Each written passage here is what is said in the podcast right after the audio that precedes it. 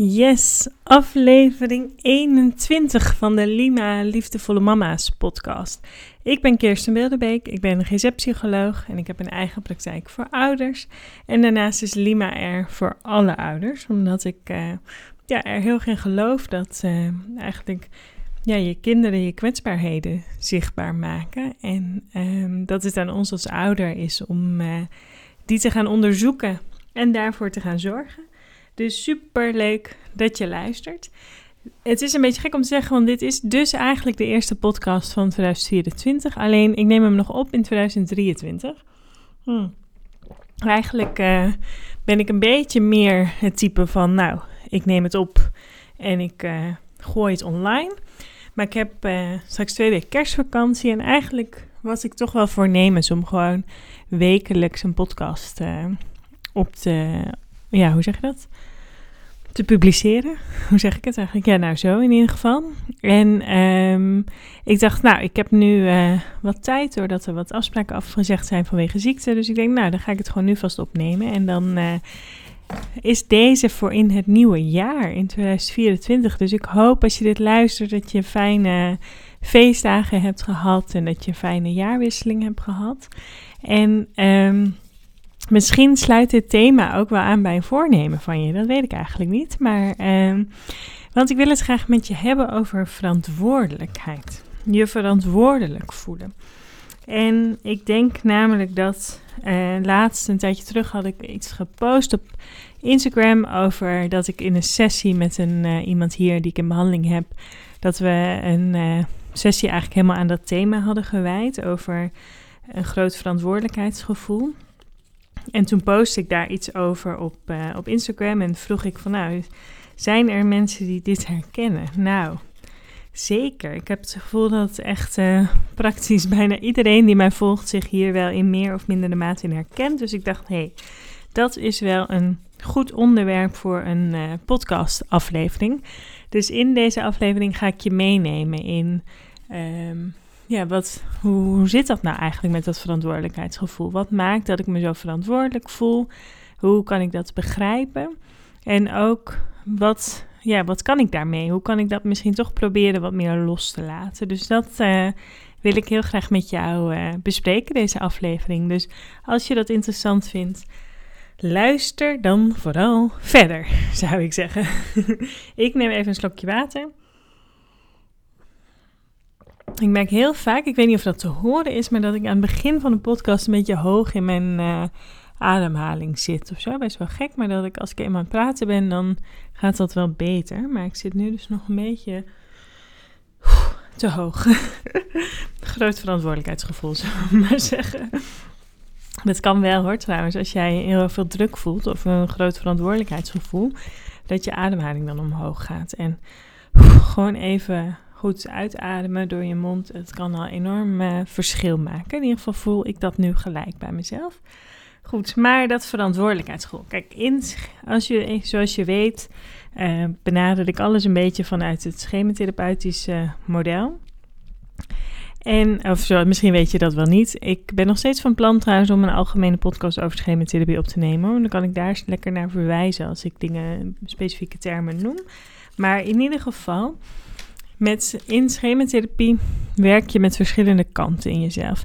ik heb het best wel regelmatig over het, kwetsbare kind eigenlijk in jezelf, die kindkant, die zo overspoeld kan zijn met emoties. Maar er is ook een kant in jou en dat wordt de kritische kant genoemd. En dat is eigenlijk um, de kant die, dat, die die druk oplegt. Dus die ook dat grote verantwoordelijkheidsgevoel bij jou neerlegt. Dus die dingen zegt als van het is aan jou om te zorgen dat iedereen het naar zijn zin heeft. Of jij moet zorgen dat de kinderen altijd op tijd op school zijn en uh, netjes aangekleed zijn. En je faalt als moeder of als vader als je dat niet doet of als je dat niet goed voor elkaar hebt. Of jij hebt uh, de gymkleren vergeten te wassen deze kerstvakantie, om maar wat te zeggen.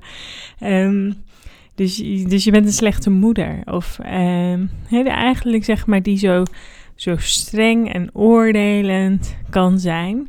Dat is vanuit die kritische kant. En daar zit ook dat stemmetje wat die, dat verantwoordelijkheidsgevoel in jou zo versterkt. En ik denk, je, ja, je hebt een soort van verschillende vormen van verantwoordelijkheidsgevoel. Hè? Want een, een bepaalde mate van je verantwoordelijk voelen is natuurlijk heel normaal en heel belangrijk ook. Hè? Laten we dat ook voorop stellen. bedoel, als jij je niet verantwoordelijk zou voelen voor het welzijn van je kinderen, hmm, dan gaat er natuurlijk een beetje iets mis. Of als jij je niet verantwoordelijk zou voelen voor jouw eigen welzijn, hmm, gaat ook niet helemaal lekker. Maar um, waar ik het hierin over heb, is natuurlijk meer die overmatige verantwoordelijk. Dus ook je verantwoordelijk voelen voor dingen waar jij misschien niet eens invloed op hebt. Of je verantwoordelijk voelen voor het welzijn van allemaal andere familieleden, ouders. Of um, als je zelf hulpverlener bent voor de mensen die jij in behandeling hebt of waar jij uh, zorg voor draagt. Iedereen heeft ook zijn eigen verantwoordelijkheid. Iedereen. En dat geldt ook voor kinderen, maar wel in een andere mate, uiteraard. En, um, maar goed, ook, ook zij hebben natuurlijk hun verantwoordelijkheid, passend bij wat, zij, wat je van ze kan verwachten, gezien hun leeftijd of ontwikkelingsniveau. Maar het is natuurlijk niet zo dat jij degene bent die alle verantwoordelijkheid zou moeten dragen. Als je eens even nadenkt dat een goede vriend of vriendin of jouw partner dat over zichzelf zou zeggen, wat zou jij dan denken? Denk je dan ook niet een beetje van, eigenlijk is het ook een beetje arrogant om te doen? Even als ik hem even een beetje scherp neerzet voor je. Is het niet eigenlijk arrogant om te denken dat jij daar dat allemaal kan beïnvloeden? Dat jij um, ja, daadwerkelijk in staat bent om ervoor te zorgen dat iedereen zich goed voelt. Hoezo? Hoezo zou jij dat kunnen? Hè? Even, nou ja, ik zet hem even scherp neer, want ik wil je even aan denken zetten van ja, hoe zit dat eigenlijk? Hè? Hoe reëel is dit überhaupt? Even nog los van hoe het voor je voelt, maar gewoon hoe, even hoe reëel is dat? Dat jij al die verantwoordelijkheden hebt. Hè? En dan ook nog eens, wat ik net noemde, hè, verantwoordelijkheid die je misschien wel hebt. Hè? Bijvoorbeeld de, de gymkleren wassen in de kerstvakantie. Um, tenminste, bij ons op school krijgen de, onze kinderen altijd eh, voor de vakantie hun gymtas mee uh, naar huis. En dan is dus de bedoeling om uh, het te wassen, ook even te checken of alles nog past. dus daar kun je ook. dus dat is ook een verantwoordelijkheid die in dit geval ik, zeg maar, of mijn vriend en ik samen hebben.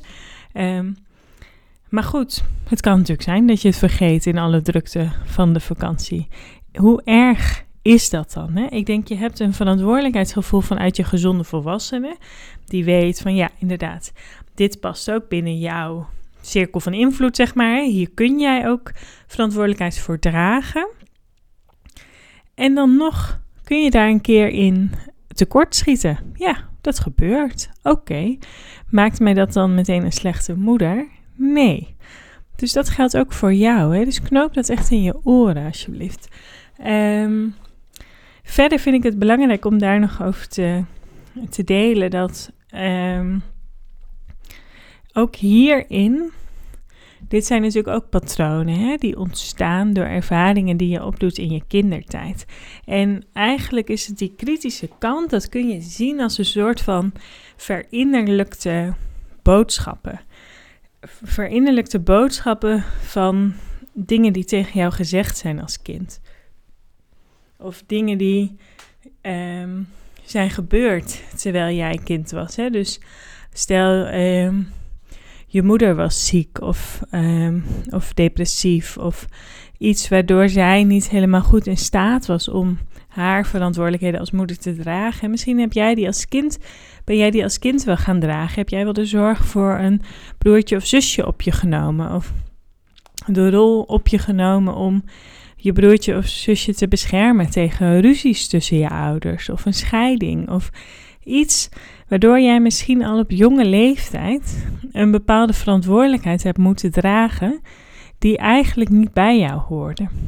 zulke ervaringen kunnen ervoor zorgen dat er dus zo'n verinnerlijkte kritische stem komt, die nog altijd nu, nu jij volwassen bent, nog steeds tegen jou zegt dat jij verantwoordelijk bent voor anderen.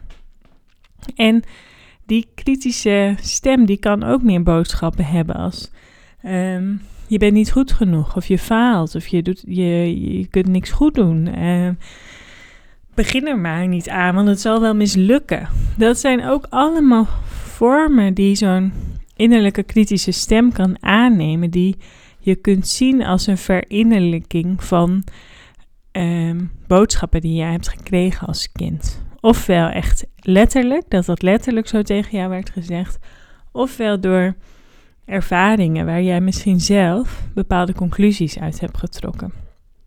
En um, ja, ik denk eigenlijk dat het dus voor jou, zeg maar, als je, als je dit herkent in jezelf, belangrijk is ten eerste om er bewust van te worden. Welke boodschappen die een beetje rondom dit thema zitten, um, geef ik mezelf eigenlijk? Hoe praat ik dan tegen mezelf? En is dat terecht? En wil ik zo op die manier tegen mezelf praten? En um, ja, hoe, ehm, hoe zou ik vanuit mijn gezonde volwassenen willen praten tegen mezelf? Hè? En op een gezond volwassen manier wel mijn verantwoordelijkheden dragen daar waar ik ze heb, maar ze bij degene laten waar ze horen. Ja, dus nogmaals ook die zin van iedereen heeft zijn eigen verantwoordelijkheid. Dat vind ik zo belangrijk om je dat ook te realiseren en om je dat ook mee te geven. En ehm, dit zijn natuurlijk thema's, dit zijn dingen die niet um, van een op andere dag veranderen. En die ook niet door nu deze podcast te luisteren als sneeuw voor de zon uh, verdwijnen. Zo werkt dat natuurlijk niet. Maar ik hoop wel dat dit al een soort van bewustwording in jou uh, creëert. En daar begint verandering. Dat je je bewust wordt van je eigen patronen. En als jij nou wel voelt van ja, hmm, hier wil ik wel iets mee. Ik heb hier last van. Dit zijn patronen die mij in de weg zitten. 8 januari, dus dat is bijna, gaan we, zeg ik het nou wel goed? Sorry, ik zit ineens te denken. Of is het 6 januari? Wat is, nee, het is 6 januari. Uh, sorry, 6 januari, dat is de zaterdag, nog in de kerstvakantie, gaan we starten met de cursus Patronen veranderen als ouder. Super veel zin in. We hebben al een hele mooie groep van 10 uh, lieve mama's. En jij bent ook van harte welkom om aan te sluiten. We gaan 6 januari starten en 10 januari starten we samen met een gezamenlijke sessie. Um, je bent van harte welkom om aan te sluiten met de cursus. Als uh, dat nog als een te grote stap voelt, ben je ook van harte welkom om aan te sluiten bij de startsessie. Want ook daar zul je al heel veel inzichten in gaan krijgen in, hey, hoe zitten mijn uh, patronen en schema's nou in elkaar? Hoe hangt dat samen met hoe ik ben opgegroeid en de ervaringen die ik heb opgedaan en de behoeften die ik daarin uh, mogelijk heb gemist? Dus um, ja, je bent van harte welkom om, om nog aan te haken. Dat zou ik heel erg tof vinden. Um, in de link in de show notes kun je de linkjes vinden om je aan te melden. En ik zou het heel leuk vinden als je me wil laten weten als je deze podcast hebt geluisterd, wat je ervan vond. En misschien luister je hem na 6 januari. Aanmelden kan de hele maand januari nog hoor. Dus ook als je hem later um, luistert, dan uh, kun je nog altijd aanmelden voor de cursus. En um, ja, hou anders vooral mijn Instagram in de gaten. Ik denk als dat al ook al voorbij is. Want de cursus komt zeker nog wel een keer terug. Ik weet nog niet precies wanneer en in welke vorm, maar hij gaat wel terugkomen. Um, nou, laat me vooral weten wat je uit deze podcast hebt gehaald. En um, daar ben ik heel nieuwsgierig naar. Bedankt voor je reactie alvast als je me die uh, stuurt. En dan, uh, nou, hoor je, hoor je mij. Ik wil zeggen, zie ik je weer bij de volgende, maar ik zie je niet. Um, maar goed, dan uh, tot de volgende zou ik zeggen. Doei!